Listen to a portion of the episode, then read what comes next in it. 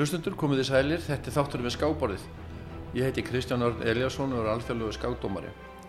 Gesti mínir í þættinum í dag eru þeir Gauti Páll Jónsson, reitstjóri tímarisins Skákar og varaforma Taffélags Reykjavíkur og Björn Ívar Karlsson fítimestari, skákþjálfari og fyrirvæðandi landslýstjálfari Kvenniði Skák en hann er með þjálfarakaráðu frá alþjóða skáksambundinu Fíti. Velkominir í þáttinstrákar. Takk fyrir það. Takk. Svona tilefni kannski fyrst og fremst uh, útgáfan, tímarætti skák að, er að koma út hvað í dag eða hvað? Já, blæðið fór í prentun. Eða gær, sluðis? Já, blæðið fór í prentun síðastleginn 50 dag og, og bara, og hérna var tilbúið í gær og, og er bara strax komið í sölu, meira að segja. Já, já. Og hérna, þetta er þá þriðja blæðið sem að kemur út núna eftir að skáksambandi hóf útgáfuna nýju. Uh, blæðið kom út samfleitt frá 1947 til 2005 og svo uh, stöku sinnum eftir það í, hjá Tafélagi Bólungavíkur og hjá menningafélaginu Mátum. Og sem sagt árið 2022 þá hófst útgána nýja og þetta er þriðja blaðið. Já, þetta er mjög veglegt blað, það var hérna, mikið lagt í þetta, þetta eru bara þygt blað. Já, við sem sagt, þetta byrjaði rólega 36 síður og, og síðan 40 en núna hérna var gefið í og, og menn líka það er ekki, sko það er ekki fleiri greinar, það er bara greinarnar eru lengri og ítalegri og blaðið er 60 blaðsjur í dag, Já. nýja blaðið. Björn Ívar, þú hérna, þú ert með grein í blaðinu, ekki? Já, já, eina grein í blæðina þessu sinni og var auk þess í rétnæmdini þannig að ég svona var svona fylgdist með og, og aðstofaði með eitt og annað á meðan að á skrifum stóð. Ég skrifaði um Íslandsmótið í skák og landslæsflokk og hérna, og tek undir það sem að Gauti segir, það eru er margar mjög flotta greinar í þessu blæði og efnismiklar. Og ég held sé bara spennandi blað sem að, sem að býður áhuga fólks. Það má alveg taka það sérstaklega fram að að ég, mér þykir ákvæmlega vænt um tímaritið skák og hefur alltaf fundist.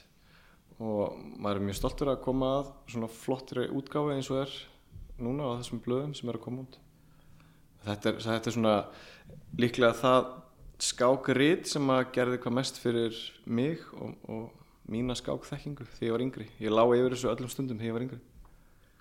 Já, ég sem sagt kannast við það að, að þessir árgangar hafa verið hérna bundnir saman hérna inn í tafélagi, maður hefur svona glukkað í þetta. Mm, en, en Björni var kannski lasið þetta meðan þetta var ennþá að, að koma út. Já, ég las mikið sko gömlega blöðin og, og svo líka þetta var að koma út svona kannski Já. já, tíund áratug Þetta er 61. árgangur og, og þetta er þessast þriða blæðið. Fyrsta blæðið kom út síðast, síðasta haust. Já, og, og, og blaðið sem sagt kemur út alltaf í kringum Íslandsmáð skákfélaga þannig að það ágættis kynning að hafa það þá Hérna á fórsíði segir það nýjasti stórmestari Íslands, Vigni Vatnar Stefansson og fyrsti stórmestari Íslands, Friðrik Ólason við setningaratum Reykjavíkur skákmótsins 2023. Já, Vignir er náttúrulega Vignir fær talsett pláss í blaðinu eðlilega, hann sem sagt frá síðasta blaði voruð 23 að þá gerðist tvent hann varð Íslandsmeistari í skák og hann varð formlega útnefndur stórmeistari í skák. Og hann er sjálfur með grein og, og hérna og hann, hann fær prósentulega, aðeins kannski fleiri myndir en margir aðrir en, en, Já. hérna, en það er bara allt í góðu lagi. Og, og náttúrulega Friðrik er átrúnaða góð ma- margra skákmanna og líka Vignis og, og þeir eru hann að flottir strákanir sko. Ef við kannski bara að fletta í gegnum blaðið og hérna og þið, þið, þið getur svona spjallað aðeins um þetta en hérna ég sé að það er það er fullt af greinu þetta eftir menn sem hafa komið í þáttinn Já, þetta er hérna, það er kannski kannski eitthvað svona á milli sem að fólk sem er tilbúið að, að tjá sig. Já, já. þannig að já, ég meina fyrstur eftir reitstjóra rappið mitt sem er svona þannig að fæ ég tækifæri til, að- til að blæra eitthvað sko. Eftir það þá kemur nú grein eftir Yngvar Þór sem hefur nú komið nokkur sinnum til þín. Og hann fjallar um Reykjavíkur skákmótið og, og þetta er annað sinn sem hann fjallar um Reykjavíkur skákmótið hann er náttúrulega starfsmaður mótsins og, og skrifar uh, fréttir og, og greinar um mótið. Skákfréttar þetta er. Já, Reykjavík skámandi 2023 og náttúrulega skemmtilegt til það mót eru þessi hliðarviðburðir hann fjallar aðeins um þá. Ég hef alltaf haft mjög gaman að þeim. Þarna sé ég að það er Vasili Ivansjúk og vinnur okkar Sim, Simon Williams. Já, Simon Williams, hann er hérna með sínist, já, það er skýrð, skýrð skák frá honum, hann teldi, teldi ansi, ansi skemmtilega skák hana og, uh, og með þennan kvassa skákstíl Já, það var skemmtilegt á þessu móti svona nýjung á Reykjavík-skákmótinu að þarna voru við með taldið marga svona það sem er kallað skákstreymara chess streamers á einsku fólk sem var að senda beint frá, frá sínu viðregnum uh, og þeir, þeir sátt allir svona í hotninu þar sem við yngvar vorum með beinar útsendingar og, og fréttaskrifin. Þannig að við höfðum við höfðum þau öll fyrir framann okkur. Og það var gaman að fylgjast með Simon Williams, teflið skemmtilega gaman að vera með hann svona bara bara metri frá sér. Talandi um hotnið, þú ert nú ansi einbettur á þessari mynd sem að, sem að á, áhorvendur, nei, á, áheyrendur sjánur endur ekki en, en, Björn Nývar situr hann og rínir í tölvuna. Ég man ekki alveg hvað ég var að gera á þessari mynd. Ég gæti að hafa verið að slá inn einhverja skákir mögulega, við vorum að gera það líka. Slá inn þær skákir sem að voru ekki beinu útsending út að velta fyrir hvort þetta veri Rókur H e, e, eða Rókur. A e, líklega eitthvað að pyrra mig á skákskiptinu mögulega. Já. já, en hvað, það voru hvað, voru fjórir að streyma eða hvað? Eða fimm? Þau af voru- Símon og, og stelpunar, Anna?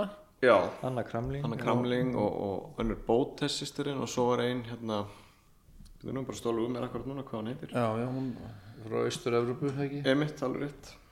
Jú, það voru þarna fjögur Jú, það voru fjögur var ekki Erik Rósen Hann var að tefla en hann fekk ekki streymis Já, en hann, hann var ekkert að hann var ekkert að sína frá Nei, ok. sjálfur sér sko. Nei, hann, hann gerði það eftir hann. þá sá maður YouTube já. sko. Það var ekki, í- hann var ekki með ekki sjálfur sér í beinni sko, ekki, nei. En kom þetta ekki ágætlega út að vera sko, líka staðsetuðu þannig fyrir framann ykkur, það er svona ákveðið Jú. eftirlit, þannig að þeir eru starfsmið mótsins og, Já, og tæknimál og, og, og jú, aðalmáli var sko þau þurftu að vera á, á svona föstum borðum já, og náttúrulega komast í rafmagn, net og annað með sína myndaðlar og, og, og þannig að það var gott að hafa þau nálægt okkur. Þannig að þetta kom ótrúlega vel út. Ég hefði þetta að vera bara eitthvað sem við ákveðum í, í flýti í uppsetningunni og svo skilst mér að séu fleiri mótfærin að taka þetta upp eh, eftir okkur sko. Sem sagt þetta fyrirkomulega að hafa þá sem er að streyma á svona sér stað þannig að Reykjavíkur skákmátið heldur áfram brautrið í þetta starfi. Já, einmitt, það er svo fyndið að maður tekur eitthvað ákvörðun í flýti og hún bara breyðist út sko. Það reynist bara góð. Já, Já, það er náttúrulega þannig sem endur að hafa þetta. En það voru margir að fylgjast með streyminu, sérstaklega hjá Bótes, hún, hún náttúrulega er, hún er með alveg, ég, ég man það ekki núna, ég, Já, ég það er ekki ég. Já, ég vel yfir miljónu ekki, var, var, var ekki 13 eða 4? Jú, 13.000 held ég Já, 13-14.000. og kramling með eitthvað örlítið minna að rétt og Það tölvöld minna en hún er samt með vöndu streymi og mamma er náttúrulega Pía Kremling Já, og, og pappin er þetta eru bæði stórmestari þarna og þau koma stundum í heimsókn í, í hérna, streymið hjá hann sko. þetta var mjög skemmtilegt sko. Tekur kannski líka svona svolítið hvað maður að segja, álægið af þeim sem eru sko mótshöldurum hvað var það fréttarflutning því að þetta er, menn fá það þarna ókipis fréttarflutning Já, að einhverju leiti sko, einmitt, má segja það sko. Létti starfið hjá ykkur? Já, já þetta var mjög skemmtilegt hvernig þetta kom út. Já. Og svo er það hérna skákmaður Jón Pálmi Jónsson.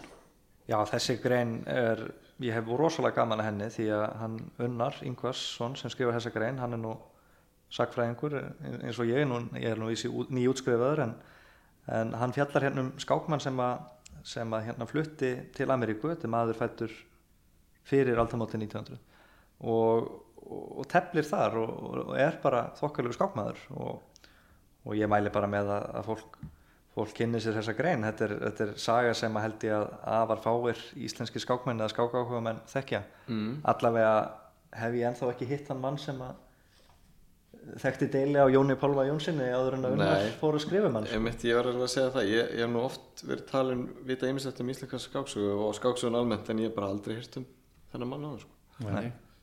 Já, það er gaman að því að, kynnast svona, já, kynnast þeir sem eru hornir og, og eru, eða eru hættir. Já, já, já, eins og eh, það var gaman þegar að Þorstein sagði hérna, sögurnar um Benúni já, já, það einmitt. er allir sem að þekkja eh, svona yngri kjærslofinni emmitt Gauti, þú er nú ungur.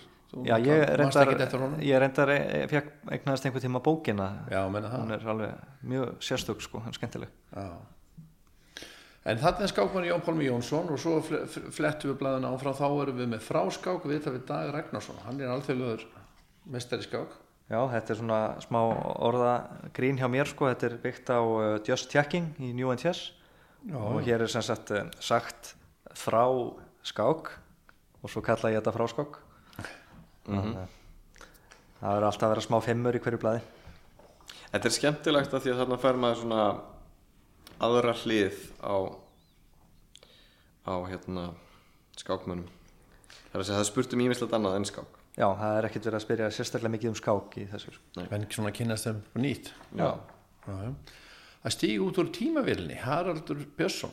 Já Harald Björnsson Já, Harald Björnsson, já. Það, hérna, þetta, er, þetta er í rauninni myndi ég segja að þetta sé svolítið framhald við efni síðasta blaðs þar sem að við í reitnefndinni spjöllum við skákmenn sem eiga það sammeilegt að hafa byrjað fullornir í skák og uh, gaman að segja frá því að, að svo grein er opinn á skák.is það, er það er hérna svona pdf skjál það sem er sínisorn úr blaðinu og þetta er eitt af því sem byrtist þar.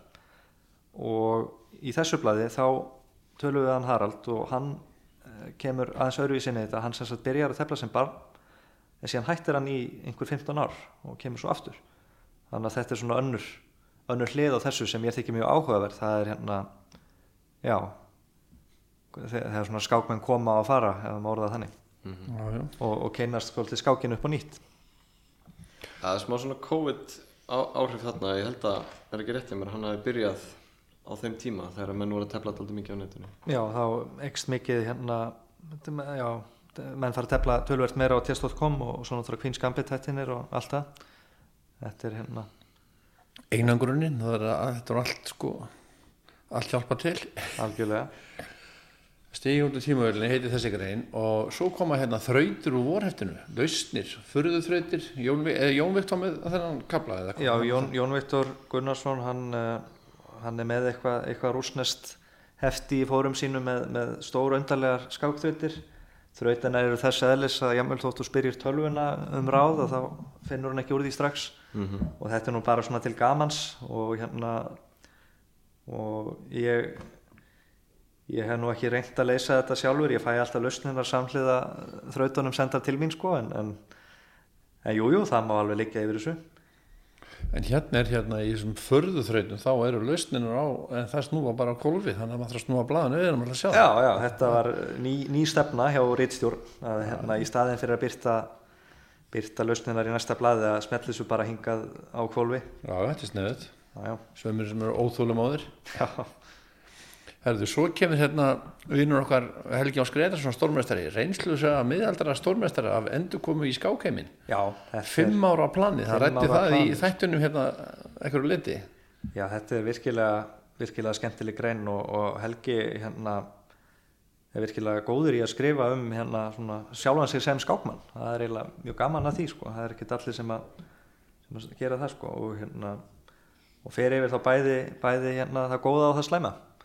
Veist, góði sigrar og slæmt upp og Já, það er mitt Ég man bara eftir sko uh, í tímarættunum skák hérna í gamla daga þegar ég var yngri og þegar Helgi var atvinnumæður þá var hann ofta byrta sko greinar í tímarættunum skák þar sem hann var að fjalla um tapskákina sínar.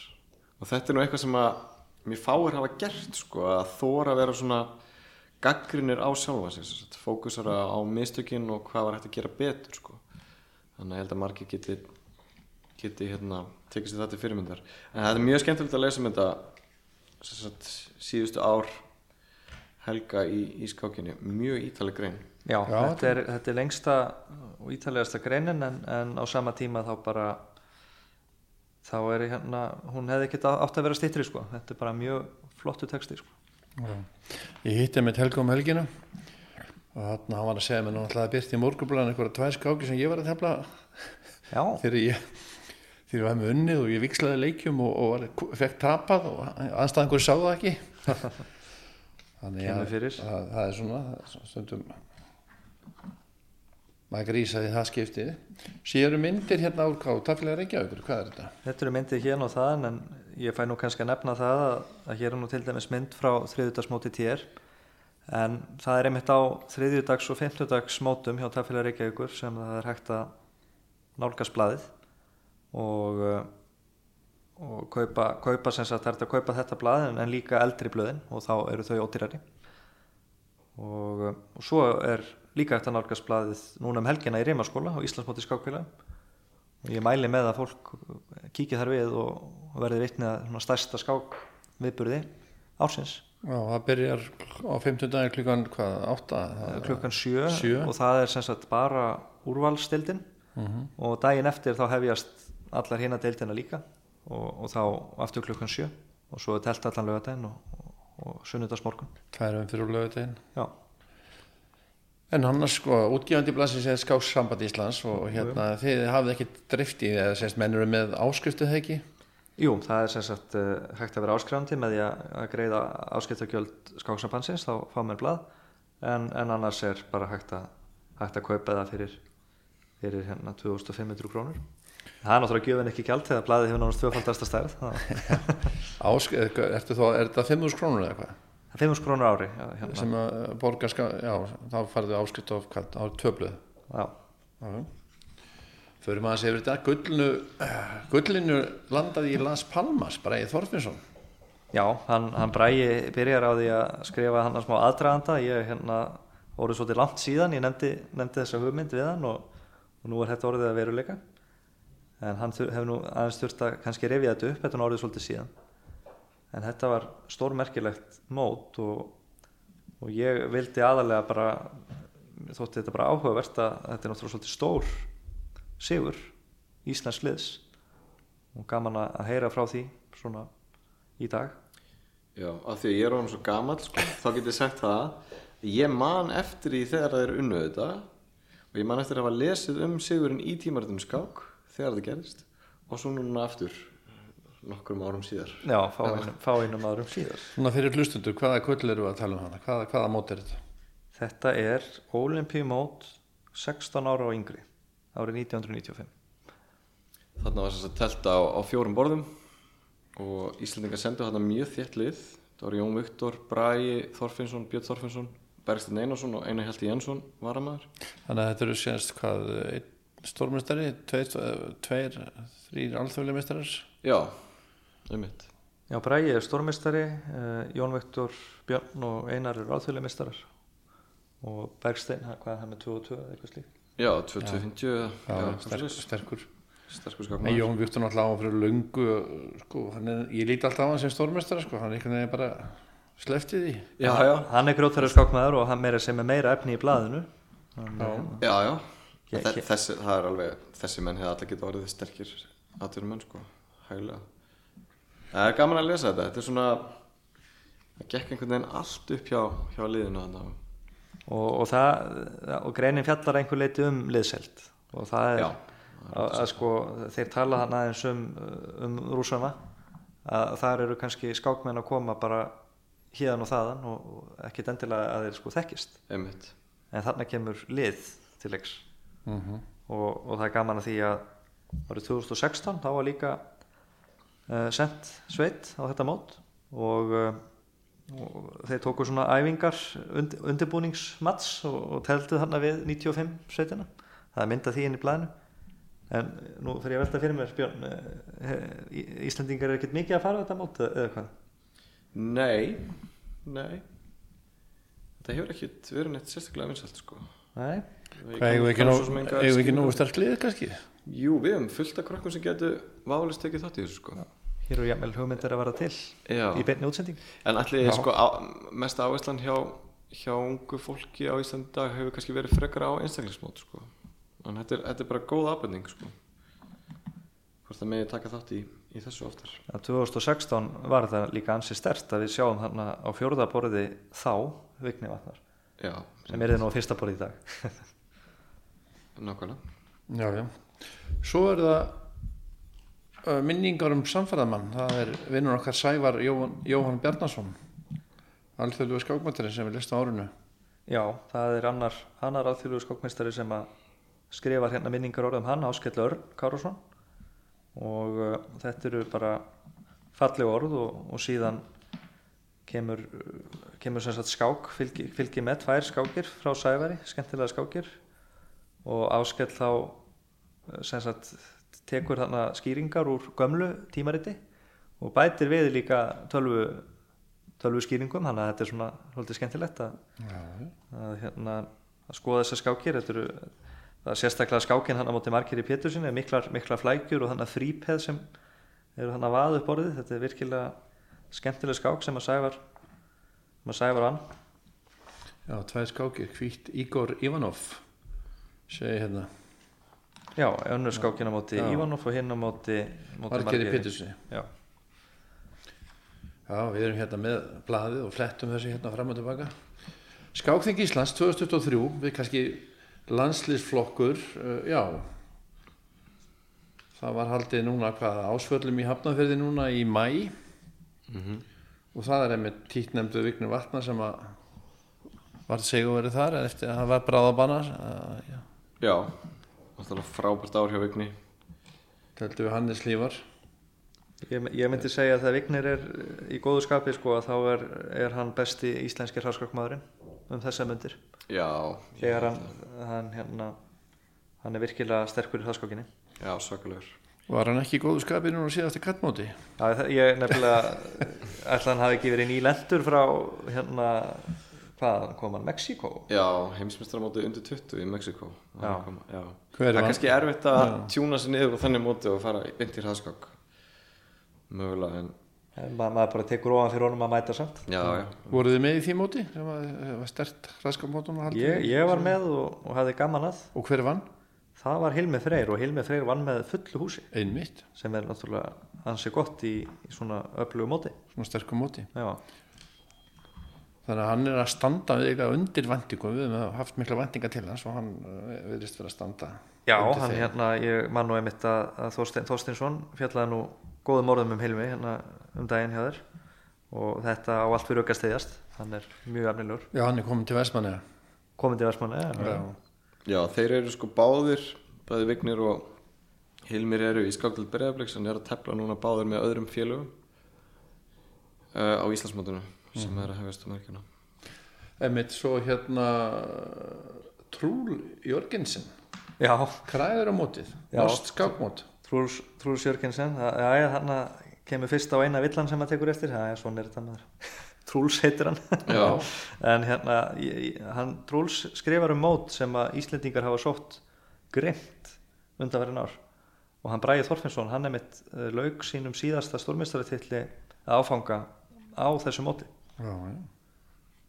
og uh, ég bara ég kann rosalega vel við hann Trúls og, og þetta er virkilega flott mót sem hann heldur og Íslendingar hafa hafa fjölmennt á það árum, árum saman og mann er langaði svona aðeins að að þakka honum fyrir þetta og leifa honum að, að segja hans frá mótinu og, hann segir hinn í lok greinarinnar að mótið verið haldið 21. til 25. februar 2024, takk fyrir þannig að það er aldrei að vita nema að maður smellir sér í fjóruða sinn. Við hérna mm, við ætlum að fara í auðlýsingar núna. Eh, klárum svo blaðið við komum tilbaka og ræðum svo um Íslandsmót Íslandsmóti sem er núna framundan. Já, byrjar á 50 daginn, já, byrjar á morgun. Byrjar á morgun. Og hérna uh, Björn Ívar, við kannski ræðum líka svo hérna eitthvað um, um, um gömlu mennina sem voru að standa sig vel. Já, þannig að við förum í auðlýsingar núna og komum svo aftur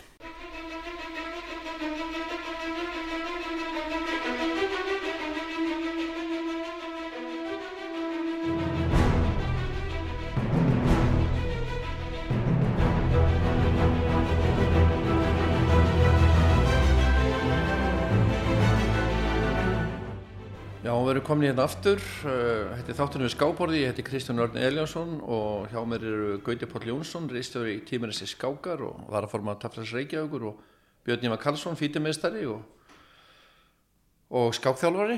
Við vorum að tala um tímariti skák. Að fle- við erum að fletta því hérna og, og, og, og hérna, vorum að tala um hvað, eru, hvað eru mótið síðast Svo að maður heldur áfram að fletta þá eru myndasætt hérna bara það ekki, og heyrum að þessum mótum. Já, og svo kemur leiðin að tveimur titlum. Það er hérna aftur komið að vigni vatnari Stefansinni. Já nú, nú er það Vigni sjálfur sem heldur á penna. Og hann sem sagt hugmyndin er að, að hann skrifar hérna um tvær skákir. Skákina mikilvæga skák í áttina að hérna, stórmistaratillinum sem telt var í Serbíu. Og svo mikilvæga skák í áttina að Íslandsmistaratillinum sem hann teldi móti Braga Þorfinnsinni sem ein- ein- einnig er með efni í blæðinu en hérna, þetta eru tvær skákir sem hann skýrir og, og gerir það bara lista vel. Og uh, og það, ég myndi, ef ég ætti að lýsa þessum skákum þá er þetta svona po positional. Þetta er svona hérna tefli stöðurlega og fer í endatöfl, sérstaklega skákja móti Braga. Og Björn náttúrulega hérna, var, var þarna viðstættur þegar mótið fór fram og, og hefur við væntalega orðið vitnið að þessari endataflstækni viknis Já, þetta er eiginlega alveg magnað að sjá þetta sko. Það er gaman að sjá hvað hann með svona þroskaðan skákstíl, hann Vignir, með að hvað hann er ungur. En hann nýtur sín alveg ótrúlega vel í svona drottningar lausum miðtapsstöðum eða endatapsstöðum sko. Hann getur dúlað sér alveg bara enda laust við að bæta stöðuna jæmt og þétt. Þetta er svona svipaði stíl eins og menn sáu kannski hjá Karpov og fleiri mönnum í gamla daga sko. Þannig að já, það er gaman að lesa skýringarnar hans og hvernig hann útskýrir hugmyndirna sinnar. En því að þú ert nú skákþjálfari og hérna uh, menn án að vera að hrósa vigni núna um einhver tíma og, hann er svo staðið undir því og er stórmestari en hann setur marki hátt og talar um að fara í 2.6 ég voru að segja að hann mætti kannski byrja því að fara í 2.5 en, en svona hann horfið bara fram hjá því. Hvað hérna uh, kemur þetta í stökkum? Hvað, hvað, hvernig Já, má eiginlega segja að framfæri koma yfirleitt í stökkum sko. Og ég held að það er margt sammeilegt sko í skákinni eins og í bara námi. Að því ég hef nú kent mikið starffræði í gegnum tíðina. Að þá sér maður bara svipaða hluti þar að fólk svona sapnar þekkingunni inn. Og svo þegar að fólk næri einhvern veginn utan um þekkinguna að þá einhvern veginn framkallast það nú. Og þetta gerist svolítið svipað í skákinni. Þú sapnar þekkingu og reynslu og svo þegar þú nærð svona skilningi á því sem þú varst að gera þá framkallast það og kemur þá í einhverju stiga stökki þannig að já, þetta byrtist yfirleitt þannig sko. en ég held að Vignir núna til dæmis hann er búin að ná þessum markmiðum sínum sem var með að verða stórmestari og hann náttúrulega er Íslandsmestari núna. Þá þarf hann að fara að taka stefnina á, á, á næsta markmið eins og hann segir að fara yfir 2006 og þá þarf hann kannski að setja aðeins meiri þunga í þetta til að komast þangað. Það er spurning sko hvort hann þurfa að gera eitthvað svipað eins og Hjörvar gerði á sínum tíma sem var að fá sér erlendan þjálfara. Það er ein hugmynd Hjörvar fór að vinna til dæmis með Ívan Sókolov og sagðist fyrst þá að hafa skilið hvað þarf að gera til þess að fara alla leið í skákinu sko.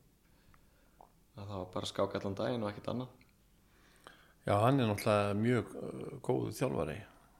Já, hann er búin að vera að þjálfa fullt af landsliðu já, já hann hefur komið við við og, og hérna, þjálfaði Úsbekistan ég mitt gerði það olimpíumisturum og ég man að Hjörvar sagði að þegar hann var með Sókolov sko, það var bara það var bara að vakna snemma og byrja strax sko, og engin friður sko, skilur, það var bara setið yfir þessu bara allan daginn sko.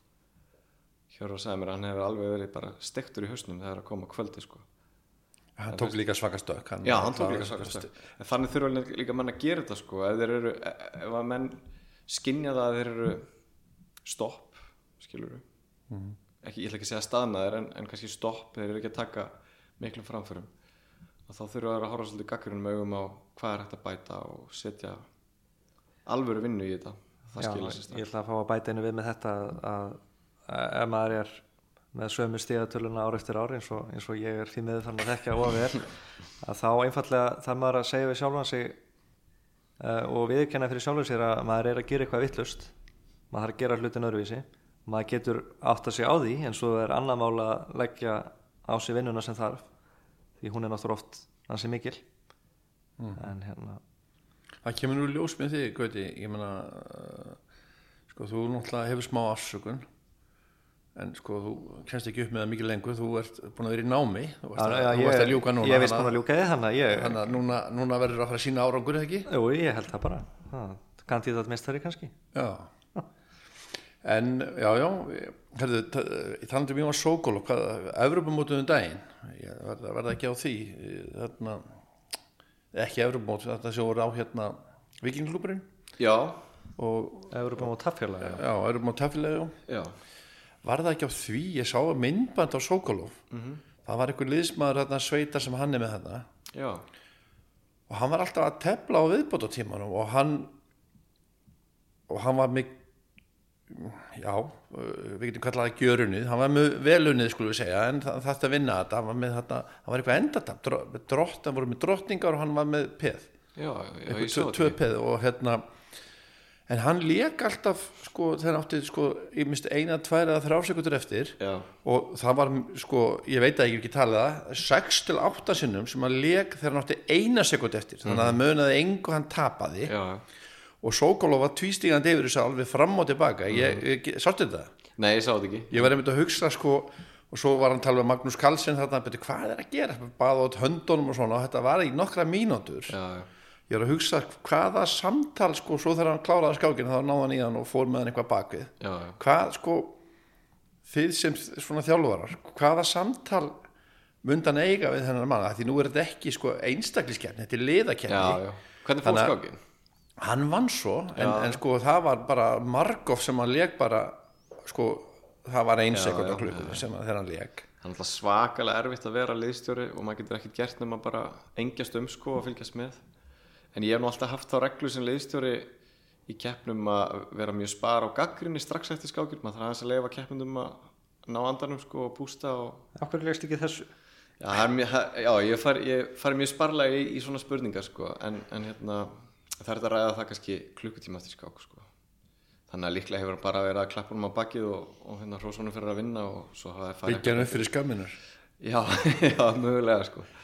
En, Jú, það er svakalega erfitt að vera liðstjóri og fylgjast með liðsmönnum á lakkinu eins og menn svo við gamla þetta alveg að falla já sko þú kemst ekki upp með þetta endalust og þú enda með að þú fe- fellur sko. Já, þú getur ekki alltaf sko. Menn eru misgóður í þessu náttúrulega þetta er eitthvað svona spennu uh, spennufíklar eitthvað slikt Já, já, það eru margir svona sko. Ég veit um einn mann sem var mjög örugur í þessu það var Stefán Heiti Kristjánsson. Já, já, já, hann stundu fór maður alveg á taugum að fylgjast með honum þegar hann var að leika með eina, tvæ, þrjá sekundur á klukkunni og, vinna sko kapskáki bara og poll róluður já, já, einmitt. Það er enga taugar sko. En þarna, já, þarna fá menn sem auka 30 sekundu við hvert leik. Þannig að þó þú farir niður í eina sekundu þá græður þá 30 sekundur til viðbútar og þá hefur smá tíma til að hugsa um næsta leik sko. Já en sko hann nota 29 sekundur alltaf Já, já, já, já, einmitt.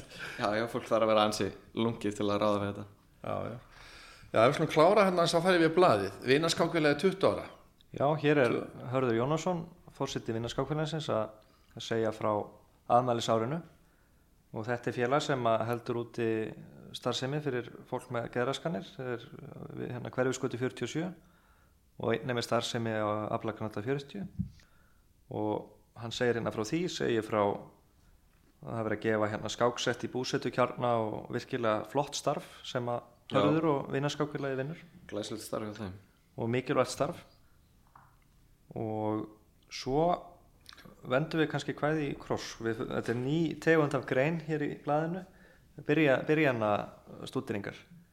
Að hann Jón Viktor Gunnarsson er hérna með sem sagt eh, brot úr bók eftir sjálfan sig sem er ekki komin út um svona um hérna það sem hann kallar kaffihúsa aðbreyði í skák. Kaffihúsa Petrov. Já, þannig að hérna er Petrovs vörn nema svona kaffihúsa útgáfa þá er þetta aðeins lífleira og hérna og þessi bók er nú bara er nú bara í vinslu en, en mér skilst á honum að hún sé nú að vera tilbúin. Þannig að það verður gaman að sjá útkomuna. Verður hann komin út fyrir jól það er spurning, jóla, jólabókin í ár. En hérna en þetta er virkilega, virkilega skemmtileg grein og, og, og svona skemmtilega við þessa grein er að kannski Petrovs vörn, hún er mjög svona ró- róleg byrjun.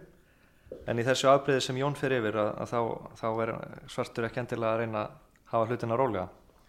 Hann hérna fórna peði fyrir mikil færi. Já. En svo síðasta hérna greinin er ljósmyndasamt TR og það, það er Gauti Póll Jónsson. Ég, ég þauðtu nú ekki að lesa það, ég vissi það. Þú ert alltaf að setja myndir inn eh, gamla myndir, þú er gaman að því að eða sagfræðin, þú er gaman að setja gamla myndir inn á, inn á VF skákmannar á Facebook. Jú, jú, ég hef gert svolítið að því og, og hérna, þetta var svona skemmtilegt verkefni sem við fórum í nokkrir skákmenn að, að skanna inn þetta gríðarlega mikla ljósmyndasafn þetta þúsundir mynda teknar á 8., 9. og 10. áratug síðustaldar og það fylgja með hérna nokkra myndir og, og smá svona texti bara um, um verkefni sjálft og ég hef svolítið gaman að myndum frá sem sagt mótinu sem að kom í rauninni fyrir borgarskákmótið að þá er þetta telt, þetta er svona frækt firmamót að þá var það telt utandir á lækjatorki og, og hér eru, eru meðal annars myndir frá því móti þar sem að menn teltu á góðveri stegi á lækjatorki og einhver tíma var þetta nú endurvakkið eitthvað svona svipað minni mig upp úr 2010 þá var Skák Akademíana verki, Björn kannski mann eftir því. Mm og þá var telt, telt hana í einhverju tjaldi. Þannig að þetta er kannski eitthvað sem á að fara að skoða aftur á meðan að skákin er vinsæl að hafa svona úti skák. Já, þá erum við búin að fara yfir tímariti, þetta er flott blað, var það hrósöku fyrir það, Virki, virkilega flott blað. Já, takk fyrir það, ég held að menn getur stoltur, stoltur að þessu. Þarna vendum hvæð okkur í kross, við þarna Íslendinga sendu Vaska sveit öldunga til Norður Makedóníu núna fyrir einhverju viku síðan. Og hérna á heimsmötramóttu öldunga. Sagði okkur aðeins frá því, Björnima, hverjir voru þarna í þessari sveit og sagði okkur aðeins frá þessu móti, heimsmötramóti. Já, sko þarna sáum við sagt gömlu góðu fjórmenningaklíkuna eins og hún hefur alltaf verið kölluð. Svo skáksveit Ísland sem hefur náð bestum árangri í leðakjafnum í tíðina. Og þetta eru Helgi Ólafsson, Jói Hjartarsson Marki Pétursson og Jónel Árnason sem voru þarna á þessu móti ásamt Þresti Þóraldsinni sem var fyrsti varamæður og sveitin sló heldur betur í gegn var í topp áratinu allt mótið og bara hársbreytt frá því að landa heimsmyndstartillinum enduði í öðru til fjórðasæti eða þriðasæti á, á stigum eftir harða baráttu við meðal annars bandarækjumenn og Ítali og englendinga. Þannig að þetta var sagt bara glæsilegur árangur hjá þeim. Þröstu Þórsson náði bestum árangri. Hann teldi nú óvinni mikið með að vera varamæður, ég held að hann fengið sex vinninga átta, hann fekk borðavelun sem besti varamæður þeir fengu líka borðavelun í Gullveðlun ekki, hann fyrir gullið Já, hann fekk gullvelun, borðavelun sem, sem fyrsti varamæður og Margi Pétursson fekk líka borðavelun, silfuvelun á þriðaborði og Jón Ell Arnarsson bronsvelun á fjóraborði og liðstjóra liðsins var Jón Gunnar Jónsson og, og, fórstast alveg vel úr hendi. En það var mjög gaman að fylgjast með þessu og sérstaklega svona að maður man eftir þessum, þessari fjórmenga klíku hérna í, í gamla dag að sjá það aftur við borðið, virkilega skemmtilegt að fylgjast með þeim? Já, þetta er menn að vera að tala um að við ættum kannski mesta möguleikin að senda öldungun út en það, það er rætast núna, við erum að eiga Já, það er mitt líf- stöndum við best í dag. lífið í gömlu gleðum, ekki? Ha, algjörlega og meira segi 65 pluss og þar stöndum við ágætlega. Já, Helgi gæti telt þar. Já. Ég held að við gætum sko og við getum bætti náttúrulega í sko. Ég meina Hannes Lívar gæti farið að koma inn í þetta lið líka ef hann hefði áhuga á því og þannig að við hefum fullt af, fullt af mönnum sem getu, Já, já. getu komið inn í sveituna og Rúna Sigur. Pálsson og fleiri. Fleiri góði menn sko. Frændiðin Já, komið svo að bara svo. en þarna, já þröstur þarna, hans þið stóð sig alveg frábæra og það er svolítið gaman að við vorum að, að, að grínast með það að sko þetta er orðið fimminningar klíkan, hann er svona Já. sérlega búið að víja hann bara inn í þessa klíku. Já, já, hann má segja það sko. Já, Þröstur hefur alltaf, alltaf verið mjög góður liðsmaður sko. Bæði teflir hann vel í liðakefnum hann dettur einhvern veginn eitthvað eitthva stuðveristur í liðakefnum og svo hefur hann líka mjög góð áhrif á liðsfélagi sína svona upp á liðsmóralna að gera. Það er líka mjög mikilvægt í liðakefnum að menn sé partur af heildinni en sé ekki bara að tefla fyrir sjálfan sig. Eins og þessi sem að var í efri móti tafélag þarna sem Sokóla var að stressa sig.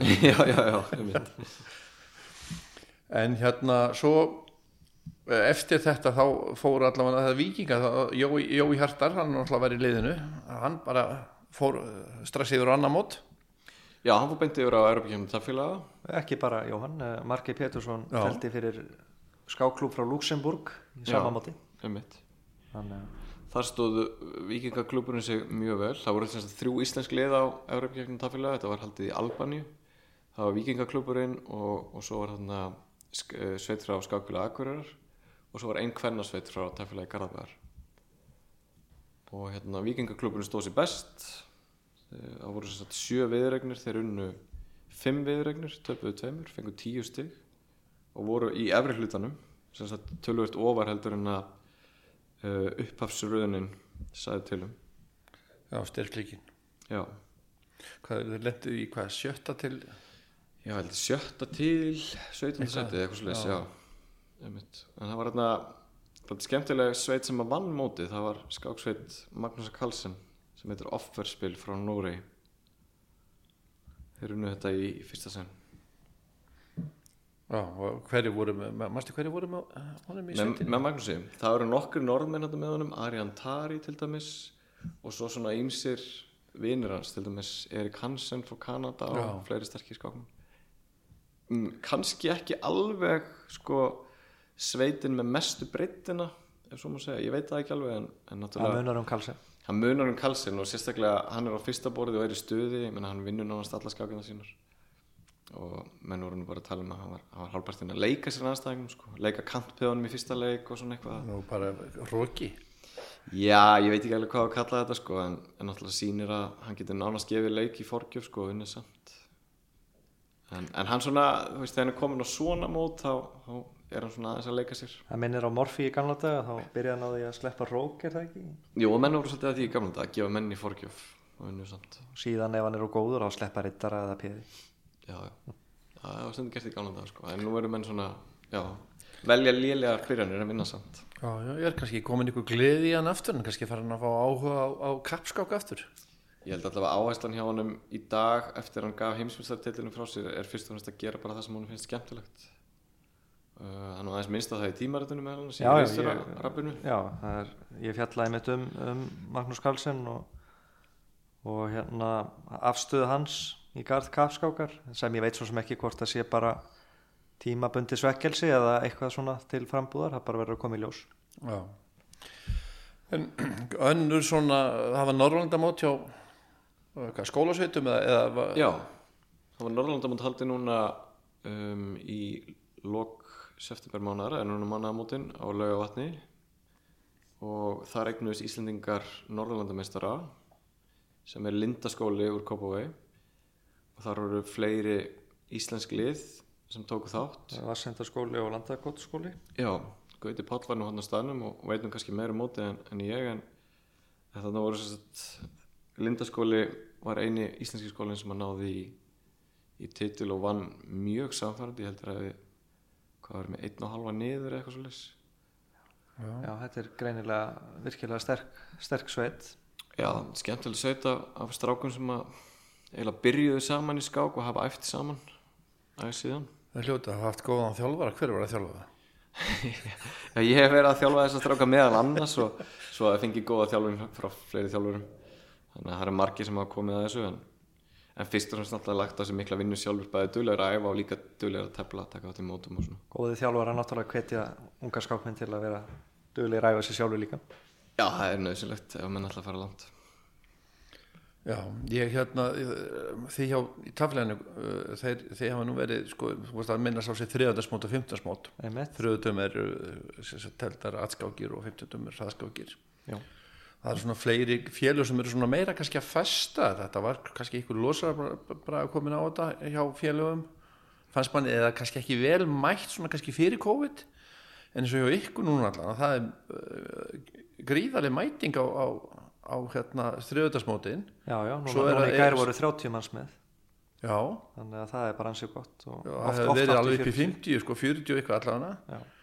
og svo náttúrulega er að aukast núna á, á, á, á, á hitt líka en sko fullt af útlendingum og stegalösum mönnum, sterkum stegalösum mönnum og, og hérna eru byrjar að fá Einmitt. og það er svolítið sniðut hjá okkur. Þið hafi verið að, núna, nú eru þeir bara orðni tjeringar ekki, það er margir sem er að ganga til liðs við ykkur Já, og og, styrki ykkur þá í, í, í, í, í Íslandmótinu, við ætlum kannski að fjalla um það næst Íslandmót það er gaman að, gaman að segja frá því. Þetta er hérna Íslandmóti skákfélag það er tefla menn með 0 kapskákstík sem hafa verið að mæta hérna á þriðdags er glæslegt og, og þeir hérna þeim er bóðið að tefla með félaginu. Þeir náttúrulega sjá kostin við það að fá rótirar á mótin eða gangi í félagi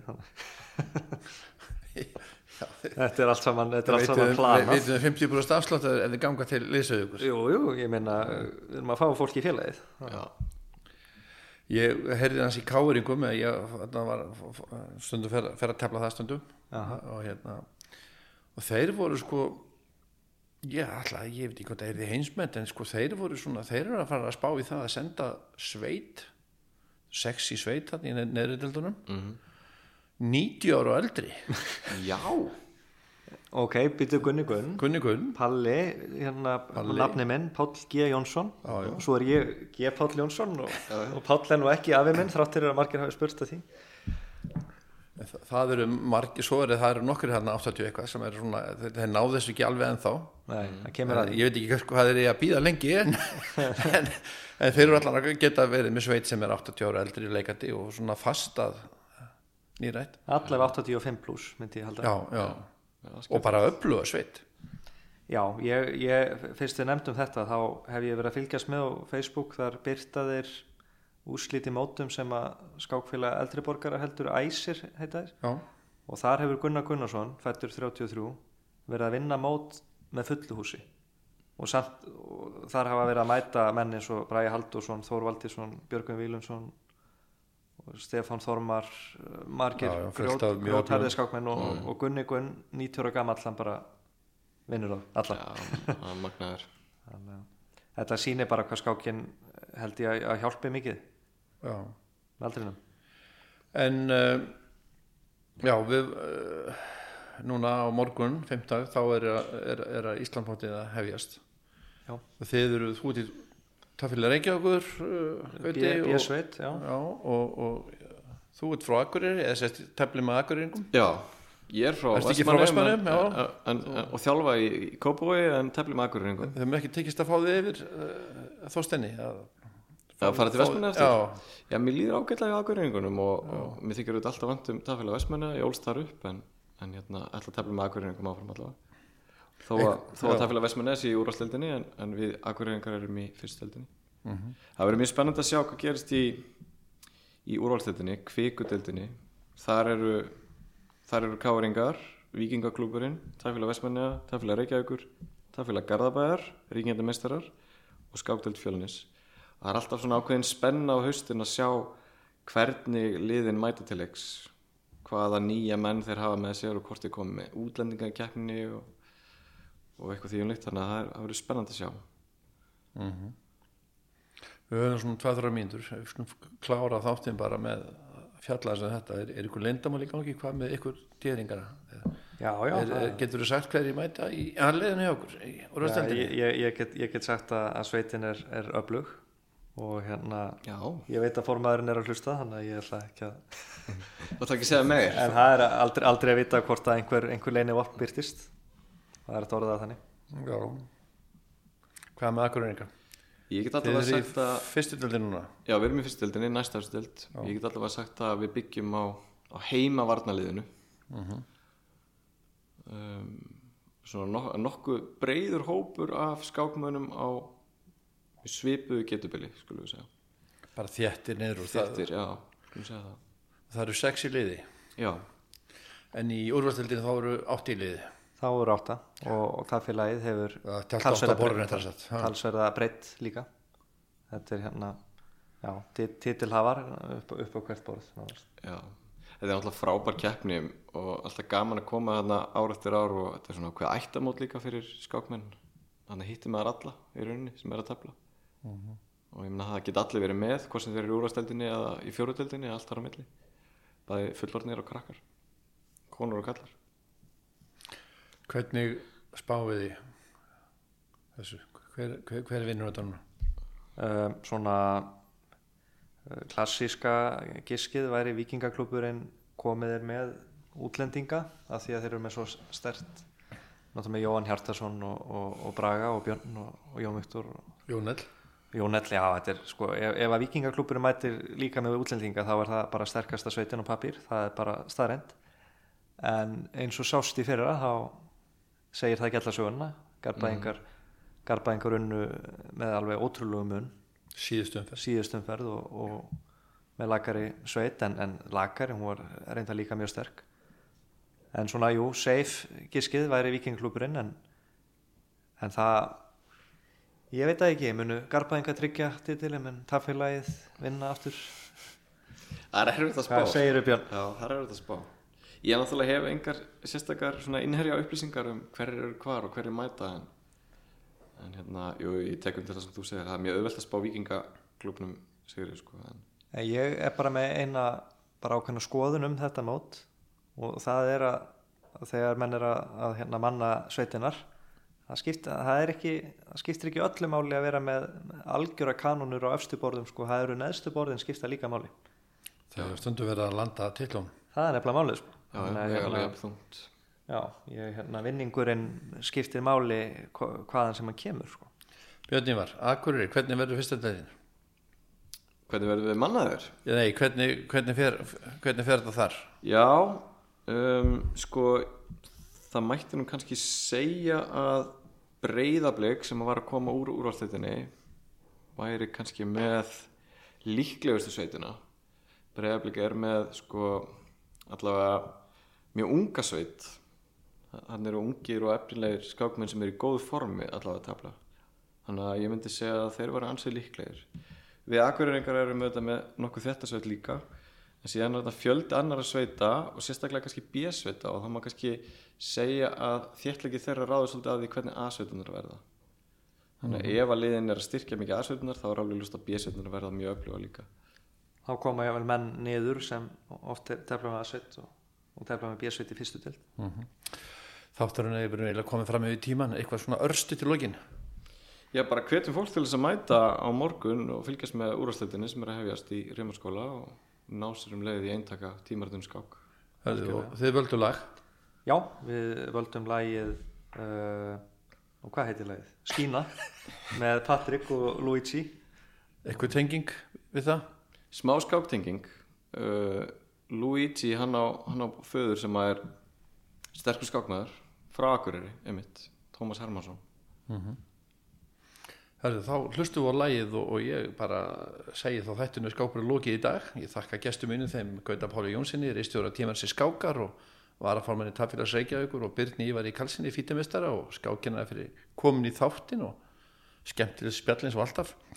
Bara reynisnið, þakka ég fyrir tæknimál og stjórnum úrsendingar og hlustundum öllum fyrir hlustununa. Ég heiti Kristján Örn Eliasson, verið í sæl og góða stundir.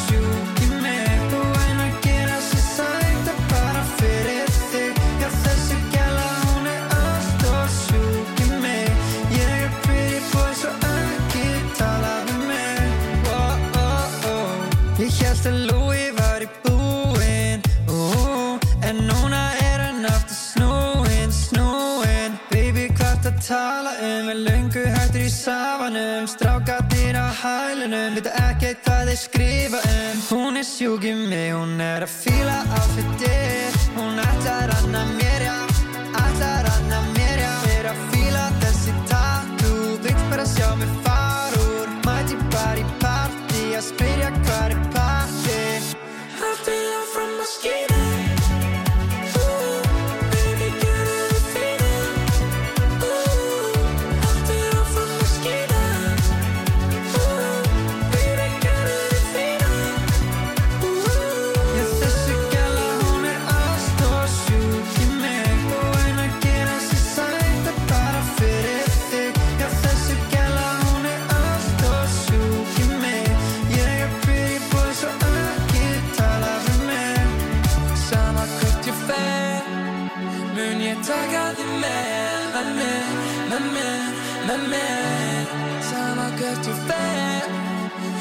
Mun ég taka þig